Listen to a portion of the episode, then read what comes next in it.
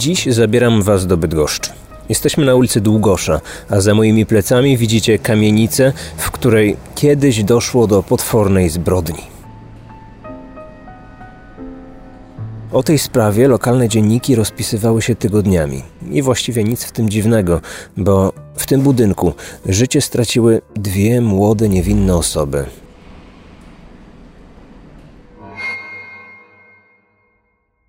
Triblerowie, bo o tę rodzinę chodzi, mieszkali w Bydgoszczy od ponad 20 lat. Głowa rodziny Piotr był znanym i cenionym rzeźbiarzem. Zmarł w 1952 roku i od tego czasu zakładem kamieniarskim, całym biznesem zajmowała się jego żona, Cecylia. Małżeństwo miało troje dzieci. Najmłodszy, 14-letni Paweł uczył się w szkole plastycznej. Mówiono, że odziedziczył po ojcu talent artystyczny i w przyszłości może pójść w jego ślady. Gabriela była w klasie maturalnej. Za kilka miesięcy miała zacząć studia na uczelni w pobliskim Toruniu. Wybrała kierunek konserwatorstwo na Wydziale Sztuk Pięknych. Miała też smykałkę do sportu. Trenowała rzuty dyskiem i kulą. Trenerzy wróżyli jej dużą karierę. Paweł i Gabriela mieszkali wówczas tylko z matką. Ich starszy brat był już dorosły i w tym czasie przebywał w wojsku. Jestem zmuszony mówić dosyć cicho, bo jest wcześniej. Nie chcę pobudzić tutaj albo zaniepokoić mieszkających w budynku osób. Cecylia wróciła do mieszkania około 21.30 marca. Gdy weszła do środka, natknęła się na leżące ciało swojej córki. Było w kałuży krwi. Przeraziła się, zaczęła krzyczeć, wybiegła i wołała o pomoc. Sąsiedzi zaalarmowali milicję. W mieszkaniu doszło do podwójnego zabójstwa. Właściwie od razu znaleźli się świadkowie, którzy byli w stanie pomóc rozwiązać tę sprawę. Jeden z mieszkańców budynku zauważył, gdy około 19.30 Gabriela rozmawiała e, przed mieszkaniem z pewnym młodym, nieznanym mężczyzną. Po chwili wpuściła go do środka. Z kolei inny ze świadków wspominał, że mniej więcej w tym samym czasie z któregoś z mieszkań wydobywały się dziwne odgłosy. Ze snu przebudziły mnie krzyki dobiegające z mieszkania państwa Triblerów, które słyszałem przez cienką ściankę. Z krzyków tych wywnioskowałem, że syn Triblerów otrzymuje tęgie bicie.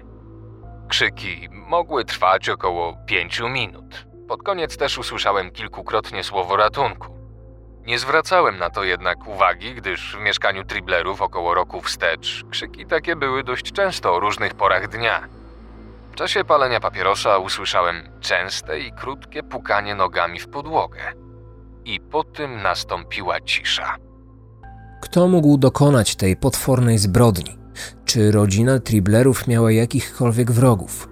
Cecylia od razu skojarzyła całą tragedię z pewnym incydentem, a właściwie z pewnym klientem, który odwiedził ich mieszkanie tego samego dnia i z którym była umówiona wieczorem na kolejne spotkanie.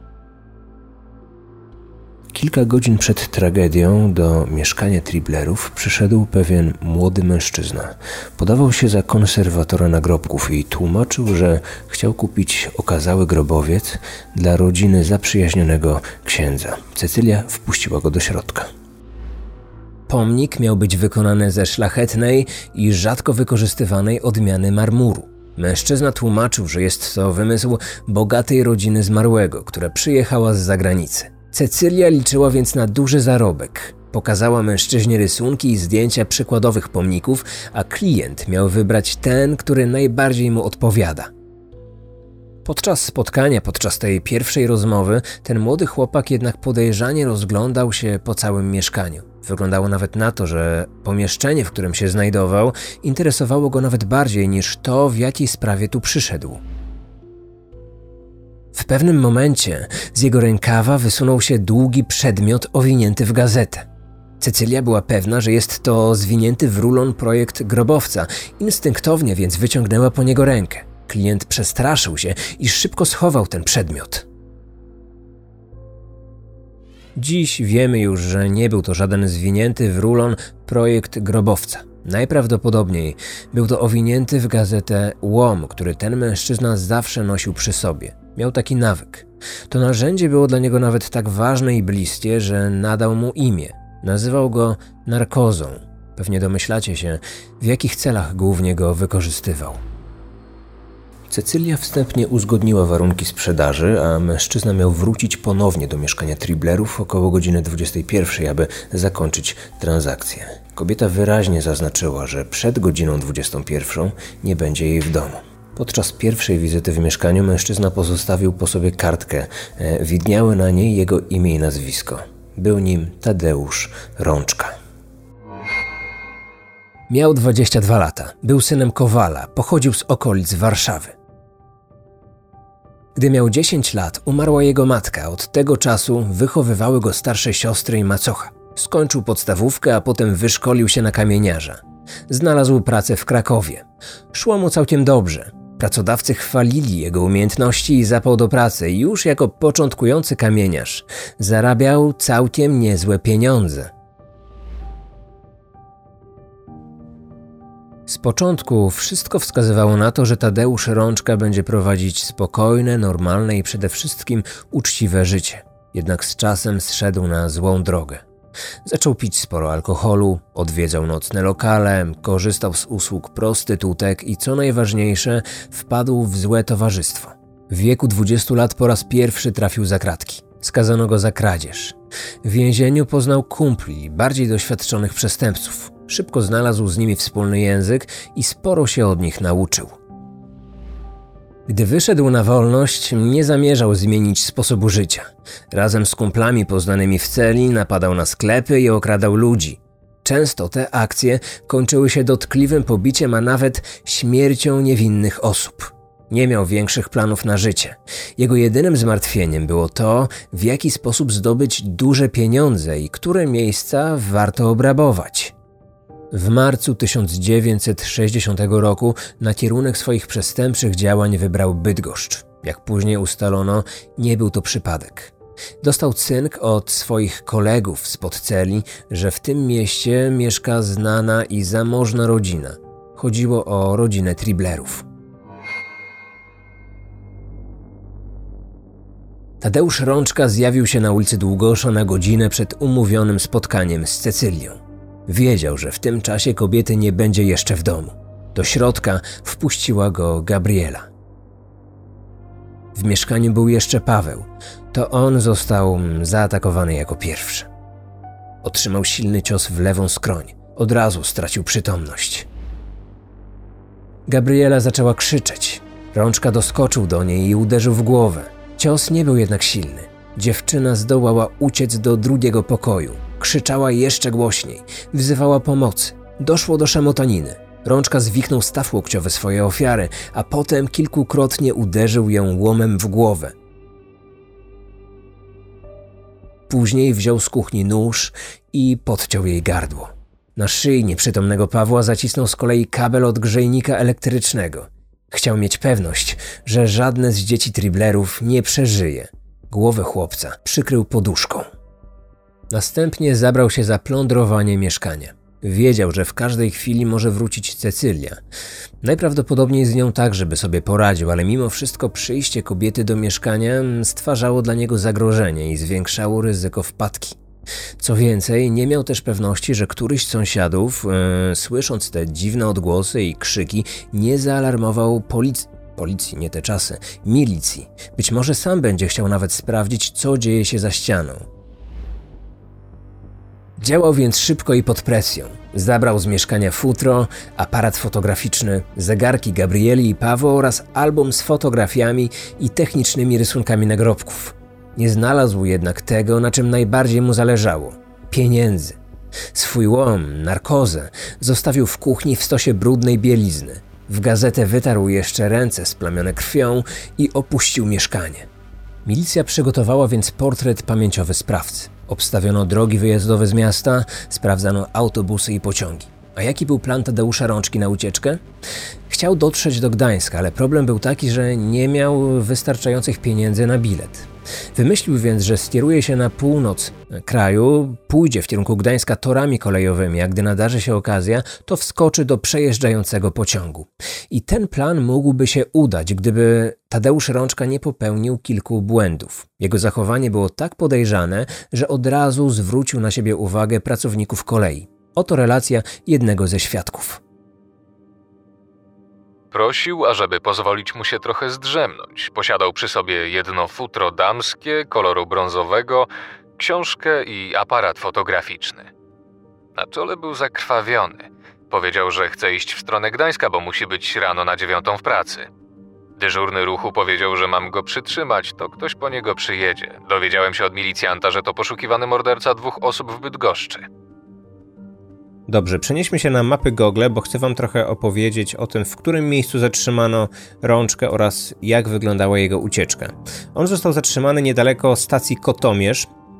Zdołał więc uciec y, około 20 km od Bydgoszczy, no całkiem spory odcinek. Milicjanci wiedzieli już, że on porusza się tutaj torami kolejowymi. Co prawda miał czekać e, w wartowni kolejowej, ale nie było pewności, czy w którymś momencie nie zdecyduje się na to, aby uciec z tego miejsca i podążać dalej w kierunku Gdańska, być może nawet obrać inny kierunek na ucieczkę. Milicja rozlokowała więc swoje siły tutaj, w Kotomierzu, a w związku z tym, że nie było dojazdu do torów, do tego miejsca, w którym teoretycznie miał się znajdować, to funkcjonariusze wyszli mu naprzeciw, tutaj torami pieszo chcieli do niego dotrzeć. Właśnie, dlaczego Rączka zwrócił na siebie tak dużą uwagę, bo to jest też e, ciekawe. Podejrzewam, że gdyby normalnie szedł tymi torami, nie zaczepiał nikogo, nie zwracał na siebie uwagi, no to i tak pewnie zostałby schwytany, ale ten pościg mógłby trwać znacznie, znacznie dłużej. On jednak e, wchodził do mijanych po drodze nastawni kolejowych. Tam zagadywał pracowników kolei, prosił o możliwość odpoczynku, prosił o to, aby dali mu się tam przespać przynajmniej przez kilka godzin, prosił o poczęstunek, prosił o kawę. Jednej pani ukradł nawet papierosy. To było dziwne. E, pracownicy kolei zaczęli informować siebie nawzajem, że ktoś taki się tutaj przemieszcza. Co więcej, on wyglądał w podejrzany sposób, miał na sobie ślady krwi, miał przy sobie przedmioty, które mogły wskazywać na to, że przed chwilą dokonał jakiegoś skoku i chce uciec z miasta. Dlatego też zaalarmowano milicję i milicja zareagowała natychmiast. W czasie zatrzymania nie stawiał oporu. Bez problemu dał się zakuć w kajdanki. Miał na sobie zakrwawione ubranie. Na szyi przewieszony aparat fotograficzny, a w worku trzymał skradzione z mieszkania Triblerów przedmioty. Na zapytanie, skąd posiada krew na ubraniu, oświadczył nam, że w Bydgoszczy na ulicy pobił się z dwoma osobnikami, których nie zna. Na pytanie, skąd ma futro i aparat fotograficzny, oświadczył, że dostał od tych, z którymi się bił. Dwa dni po zbrodni na komendzie głównej milicji w Bydgoszczy zorganizowano specjalną konferencję prasową, która dotyczyła właśnie tego wydarzenia. Milicjanci najpierw opowiedzieli o kulisach śledztwa i o tym, w jaki sposób ujęto sprawcę, a później na salę wszedł sam Tadeusz Rączka. Dziennikarze mogli więc na żywo zobaczyć wytypowanego sprawcę. Oto fragment jednego z prasowych komunikatów. Powolnym krokiem wszedł na salę wysoki, szczupły, ale silnie zbudowany mężczyzna o pociągłej i kanciastej twarzy, ciemno-blond włosach i szarych oczach. W tych oczach czaił się zwierzęcy strach. Grdyka nerwowo wędrowała z miejsca na miejsce. Lata 60. to były czasy, kiedy nikt nie myślał o ochronie danych osobowych. Nie było mowy o jakimkolwiek RODO. Nazwiska ofiar i sprawców pojawiały się regularnie w gazetach. Dzisiaj to nie do pomyślenia, ale kilkadziesiąt lat temu to było zupełnie normalne. To zdjęcie Tadeusza Rączki, które pokazuję tutaj w materiale, y, także znalazłem w tych starych doniesieniach prasowych. Co ciekawe, zdjęcia mordercy nie było w aktach sądowych, więc tylko na podstawie tych doniesień prasowych wiemy, jak Tadeusz Rączka wyglądał. Ta zbrodnia naprawdę wzbudziła ogromne emocje. Wskazują na to doniesienia prasowe, które odnalazłem w archiwalnej prasie. Zobaczcie tylko, jak wiele uwagi lokalne media poświęciły tej sprawie. Relacje z sali sądowej, opisy ofiar i sprawców, zdjęcia miejsca zbrodni, dowody – Zwróć uwagę, czy też zwróćcie uwagę, właściwie nie wiem e, za bardzo jak się zwracać, bo w podcaście przyjąłem już taki system, że zwracam się do pojedynczej osoby, a tutaj w filmie zazwyczaj wyglądało to tak, że mówiłem do liczby mnogiej, więc może pozostańmy póki co przy takim, przy takim systemie. Zwróćcie więc uwagę, że to śledztwo mm, nie było prowadzone latami. Tam nie było mnóstwa tropów, nie było dziesiątek podejrzanych osób, nie było setek przesłuchań. Mm, milicjanci mieli z podanego sprawy sprawcę właściwie na tacy. Od razu znali jego nazwisko, ale nie zmienia to faktu, że wykonali dobrą robotę, bo morderca został schwytany niespełna kilka godzin po tym, gdy dokonał zabójstwa. Nazwisko Tribler w Bydgoszczy było bardzo znane. Ojciec rodziny, który zmarł 8 lat przed całą tragedią, był cenionym rzeźbiarzem. Do dziś na cmentarzach możemy znaleźć artystyczne nagrobki jego autorstwa. Na mieście znajdziemy nawet pomniki, które opracował i wykonał. Na pogrzeb dzieci przybyło podobno kilkadziesiąt tysięcy osób. Wszyscy płakali za Gabrielą i Pawłem. Tadeusz Rączka po aresztowaniu i przewiezieniu na komendę przedstawił śledczym następującą wersję zdarzeń. Do zarzucanych mi czynów przyznaję się, ale tylko częściowo. Byłem w tym czasie w mieszkaniu Triblerów, ale Pawła i Gabriele zamordował Bob i Dick. To oni wydawali mi polecenia, szantażowali i grozili bronią. Zostałem przez nich zmuszony do kradzieży. Moja wina polegała jedynie na tym, że nie powiadomiłem milicji. Później Bob i Dick prowadzili mnie do jakiegoś lasku, tam uciekli i zostawili mnie samego przy drodze. Tadeusz miał chyba nadzieję, że ta bajeczka zdoła go uchronić przed najwyższym wymiarem kary. Co ciekawe, długo obstawał przy tej wersji zdarzeń. Wprowadzał drobne szczegóły, zmieniał niektóre elementy tej historii, ale ogólnie długo się tego trzymał. Przekonywał milicjantów, że ktoś taki jak Bob Dick istnieje. W końcu jednak milicjanci zdołali go nakłonić do tego, aby opowiedział o faktach, aby przedstawił prawdziwą wersję zdarzeń. I teraz zastanawiacie się pewnie, jaki był motyw. No bo skoro chodziłoby wyłącznie o pieniądze, no to mógłby przecież mm, ogłuszyć Gabriela i Pawłę, sprawić, aby za pomocą narkozy stracili przytomność, ewentualnie ich związać, zabrać kosztowności, to co go interesowało i w tym samym nie narażałby się na najwyższy wymiar kary. Tadeusz Rączka przekonywał, że działał hmm, z zemsty. Twierdził, że rzekomo Triblerowie nie chcieli go nakarmić i odmówili mu pożyczenia pieniędzy, o które prosił. Przekonywał też, że przyjechał do Bydgoszczy w poszukiwaniu pracy. Prawda była jednak zupełnie inna. On najpierw przyszedł na ulicę Długosza, aby zorientować się w całej sytuacji, a potem wrócił tam w jasnym celu, aby zabić członków rodziny, których spotka w mieszkaniu i aby okraść dom. Gdy przebywał w areszcie i czekał na proces, wpadł na kolejny, świetny w jego mniemaniu pomysł. Aby uniknąć kary śmierci, zaczął symulować chorobę psychiczną. Zachowanie konsultował nawet z kompanami spod celi, jednak oni nie zamierzali zachować tych informacji wyłącznie dla siebie. Oto relacja jednego ze współosadzonych. Radził się mnie, czy niedobrze byłoby uderzyć współwięźnia pokrywą żelazną od kibla w głowę, by uzyskać dowód, że jest wariatem. Ustaliliśmy między sobą dyżury nocne, aby zapobiec wypadkowi. Spodziewał się, iż na wizji otrzyma do ręki nóż w celu odtworzenia zabójstwa. Chciał tym nożem uderzyć się w brzuch, po to, by być skierowanym do szpitala. Mówił, że nie pozostało mu nic więcej, jak tylko udawać wariata. Chciał przy korzystaniu z lekarstw poranić się na twarzy kieliszkiem, używając zwrotu po złodziejsku, tak żeby sobie krzywdy nie zrobić. Chciał symulować ucieczkę. Ponadto miał w projekcie konsumować kał, mówiąc, iż taką metodę stosowano w tym więzieniu, gdzie ostatnio przebywał. I to skutecznie.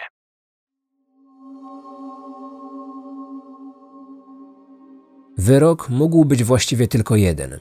O sprawie było bardzo głośno. Społeczeństwo domagało się kary śmierci. Może gdyby ta zbrodnia była pierwszym kryminalnym wybrykiem Tadeusza, to ze względu na młody wiek zdołałby uniknąć tego najcięższego wymiaru kary, czyli kary śmierci, chociaż szczerze mówiąc wątpię w to. Jednak Tadeusz Rączka pomimo tego młodego wieku był recydywistą. Co więcej, zabił dwoje młodych ludzi, niewinnych. Działał z premedytacją, tam nie było mowy o jakimkolwiek działaniu pod wpływem impulsu czy emocji, nie był to nieszczęśliwy wypadek. On przyszedł do mieszkania w jasnym celu. Dobrze o tym wiedział. W dodatku nie okazywał skruchy i symulował chorobę psychiczną.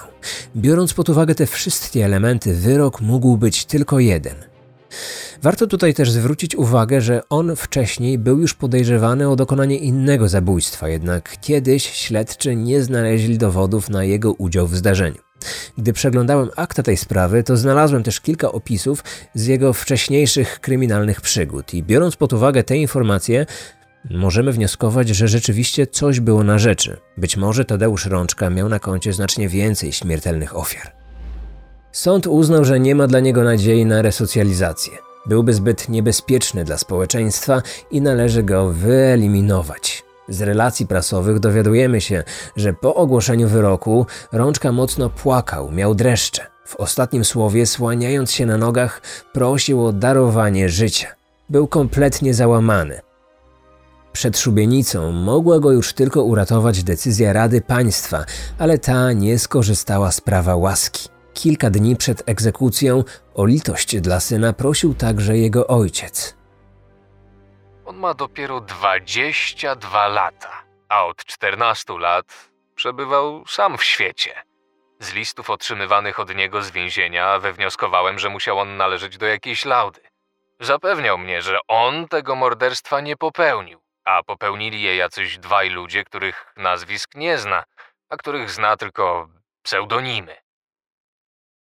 W liście chodziło pewnie o Boba i Dicka, ale ten wątek został już wyjaśniony. Ten błagalny list ojca nie przyniósł oczekiwanego dla niego efektu. Wyrok wykonano 10 sierpnia 1960 roku w Gdańsku i tam też na centralnym cmentarzu Tadeusz Rączka został pochowany. Lata 60. w ogóle były bardzo krwawe dla Bydgoszczy. Gdy mieszkańcy otrząsnęli się już po zbrodni dokonanej na ulicy Długosza, na obrzeżach miasta dokonano mordu, który także zapisał się w krwawej historii miasta. W niewielkim lasku, na peryferiach Bydgoszczy, odnaleziono zwłoki prostytutki. Jej ciało było okaleczone w niesamowity sposób. Kobieta miała rozpruty brzuch. W okolicy grasował więc bydgoski Kuba Rozpruwacz. Jednak tym razem śledztwo nie było tak proste i szybkie jak to sprzed kilku lat przy sprawie Tadeusza Rączki. Teraz milicjanci musieli przeanalizować setki tropów, przesłuchać setki osób, wszystko po to, aby schwytać mordercę, rozpruwacza z Bydgoszczy. Tę właśnie sprawę omawiam w moim autorskim audioserialu True Crime. To dziesięcioodcinkowa seria, w której przedstawiam kulisy śledztwa, a omawiane przeze mnie wydarzenia komentują eksperci, m.in. biegli sądowi z zakresu kryminalistyki, psychologii czy seksuologii. Więcej informacji znajdziesz na stronie rozpruwacz.pl. Jeżeli interesujesz się kryminalistyką i kryminologią i ciekawią Cię takie tematy jak ten, o którym przed chwilą usłyszałeś w filmie, to ten serial jest właśnie dla Ciebie.